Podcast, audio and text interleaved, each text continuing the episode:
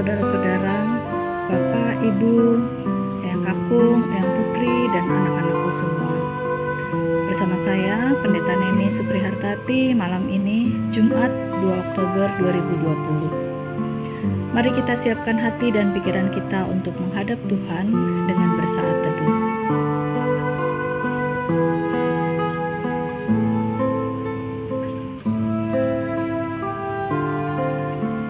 Pembacaan Alkitab malam hari ini dari Yeremia pasal 2 ayat 23 hingga ayat 29. Yeremia pasal 2 ayat 23 hingga ayat 29. Bagaimanakah engkau berani berkata, Aku tidak pernah menajiskan diriku.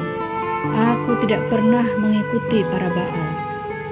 Lihatlah tingkah lakumu di dalam lembah. Ketahuilah apa yang telah kau lakukan hai unta betina yang ringan kaki, yang berlari-lari kian kemari, yang melepaskan diri ke padang gurun karena ingin menghirup udara. Siapakah yang dapat menahan nafsunya untuk berjantan?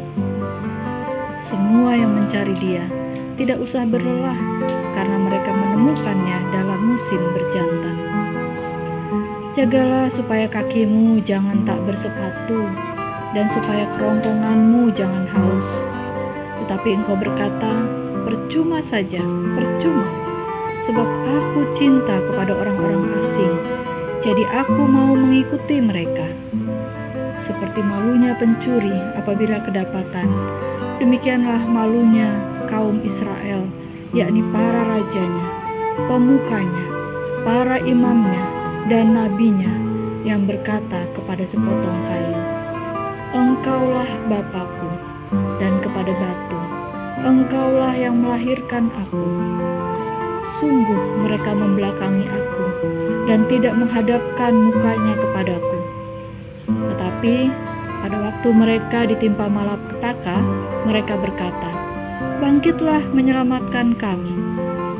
Di manakah para Allahmu yang kau buat untuk dirimu?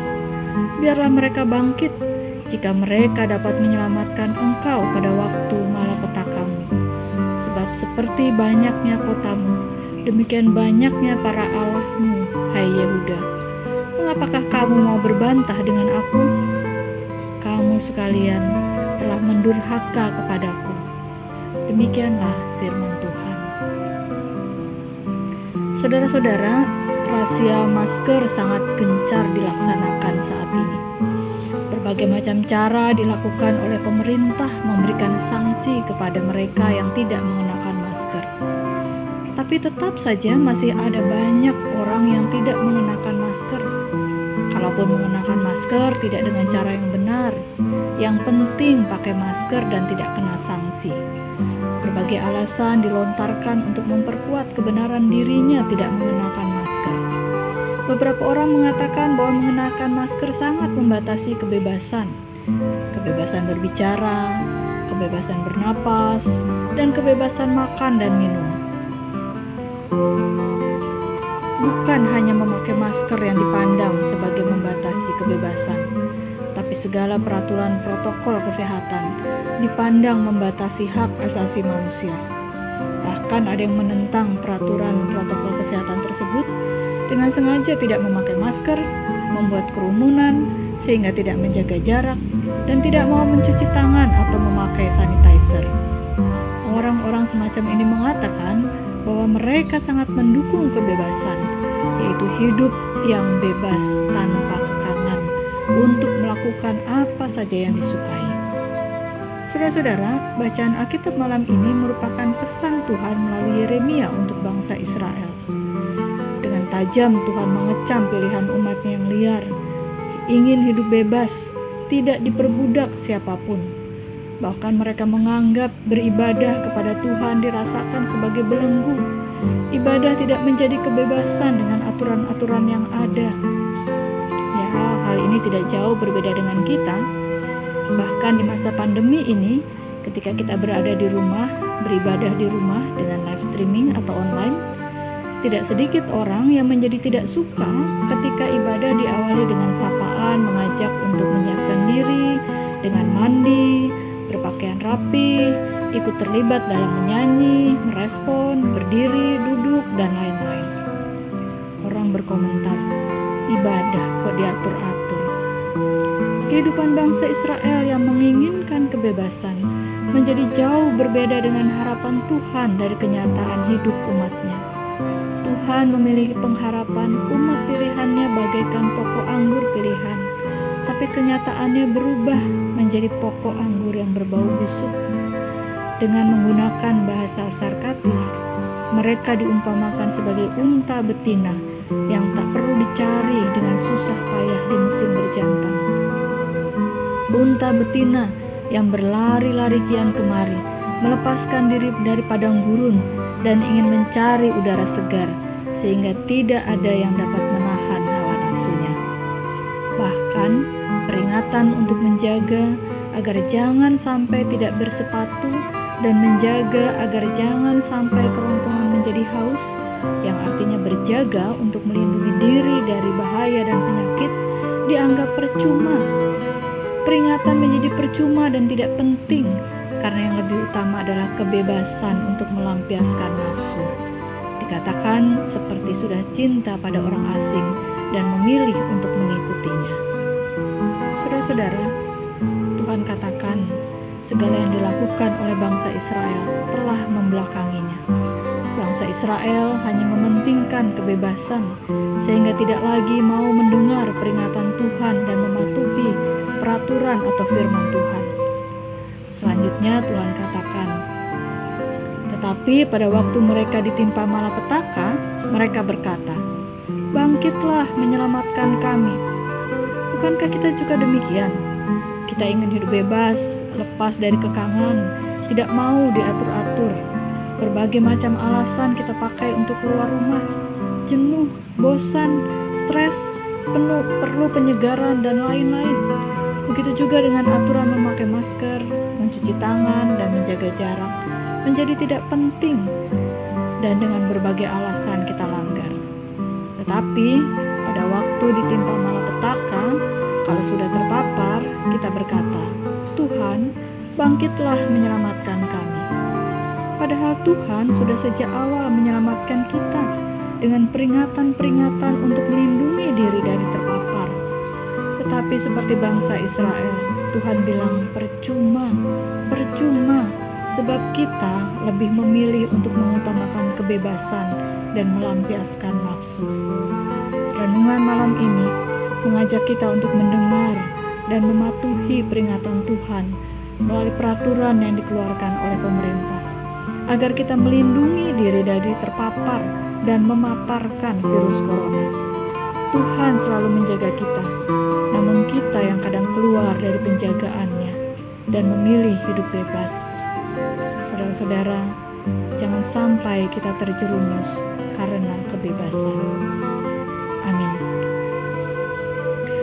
Mari kita berdoa, kita awali dengan doa Bapa kami. Bersama-sama kita berdoa. Bapa kami yang di sorga, dikuduskanlah namamu, datanglah kerajaanmu, jadilah kehendakmu di bumi seperti di sorga.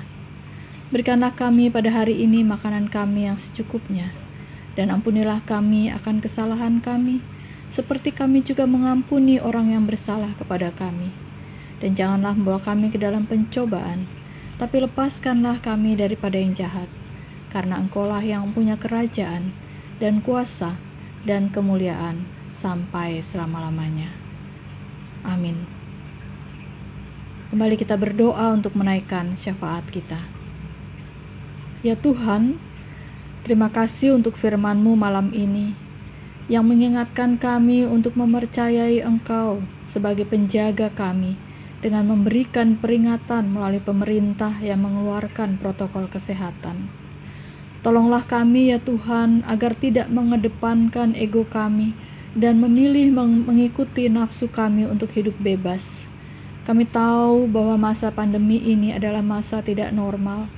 Untuk itu kami harus bisa menjalani hidup yang tidak normal ini bukan sebagai kekangan yang membatasi kebebasan kami, melainkan sebagai hidup yang menjaga dan melindungi kami dari malapetaka dan terlebih virus corona. Mampukan kami agar dapat hidup taat untuk di rumah saja, memakai masker jika memang kami harus keluar rumah, rajin mencuci tangan, dan menjauhi kerumunan serta menjaga jarak. Dalam pengasihanmu kami mohon. Tuhan, dengarlah dan kabulkanlah doa kami. Ya Tuhan, kami mau berdoa untuk gereja-gerejamu di muka bumi ini. Tolonglah ya Tuhan agar di masa pandemi ini gereja-gereja makin giat dalam menyebarkan kabar sukacita untuk menguatkan iman orang-orang percaya. Mampukan gereja-gereja untuk terus berkreasi dalam melakukan pelayanan, baik pelayanan peribadahan maupun pelayanan diakonia. Biarlah melalui pelayanan ibadah dan diakonia yang dilakukan gereja-gereja, bukan hanya orang percaya yang dikuatkan imannya, tetapi juga orang yang belum percaya kepadamu dapat menerima berkat darimu.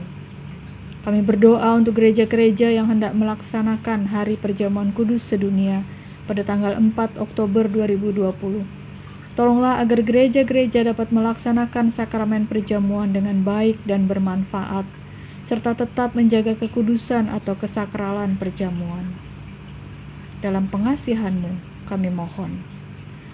Tuhan, dengarlah dan kabulkanlah doa kami. Ya Tuhan, kami berdoa untuk anak-anak kami dan para guru yang saat ini melakukan proses belajar dan mengajar secara daring. Banyak kendala yang dihadapi oleh anak-anak dan para guru, seperti keterbatasan jaringan internet, signal, kuota, dan sarana yang dibutuhkan seperti laptop atau HP. Tolonglah ya Tuhan, agar dengan berbagai cara, proses belajar dan mengajar tetap dapat dilaksanakan Tolonglah agar anak-anak kami tetap bersekolah sekalipun melalui online. Tolonglah para guru agar dapat terus berkreasi dalam menyiapkan dan menyampaikan materi ajar. Kami boleh bersyukur ya Tuhan, karena dengan proses belajar di rumah membuat kami memiliki banyak waktu dengan anak-anak. Proses belajar secara daring menuntut peran aktif orang tua, dan itu tidak mudah bagi para orang tua. Namun, situasi tersebut menjadi bentuk dukungan nyata dan langsung para orang tua kepada anak-anak. Berikanlah hikmat kepada para orang tua dalam mendampingi proses belajar anak-anak di rumah. Dalam pengasihanmu kami mohon. Tuhan, dengarlah dan kabulkanlah doa kami. Ya Tuhan, kami berdoa untuk saudara-saudara kami yang terpapar virus corona mereka yang saat ini harus menjalani isolasi dan perawatan, baik isolasi mandiri di rumah maupun di rumah sakit. Terlebih bagi mereka yang saat ini berjuang dalam masa kritisnya di ruang ICU. Tuhan, kami percaya bahwa Engkau ada bersama-sama dengan mereka. Engkau tidak meninggalkan mereka dan terus menjaga mereka. Berikanlah ketenangan dan kekuatan, terlebih iman percaya kepadamu bahwa Engkau memiliki kehendak dan rencana yang terbaik dalam hidup mereka. Jauhkan rasa putus asa dalam diri mereka, melainkan mampukan mereka untuk dapat terus berjuang mendapatkan kesembuhan darimu. Kami berdoa untuk keluarga yang tidak dapat merawat secara optimal, bahkan untuk mereka yang di rumah sakit, keluarga tidak dapat menjenguk dan menjaga dari dekat Tolonglah agar keluarga tetap dapat memberikan penguatan bagi saudara-saudara yang sakit. Kami berdoa untuk para dokter, perawat, dan orang-orang yang bekerja di rumah sakit yang saat ini harus bekerja keras karena jumlah pasien COVID meningkat tinggi. Berikanlah kesehatan kepada mereka, dan tolonglah mereka untuk juga tetap mematuhi protokol kesehatan. Dalam pengasihanmu, kami mohon. Tuhan, dengarlah dan kabulkanlah doa kami. Amin. Saudara-saudara, tetaplah setia menjadi pendoa. Selamat malam, selamat beristirahat. Tuhan menjaga kita semua.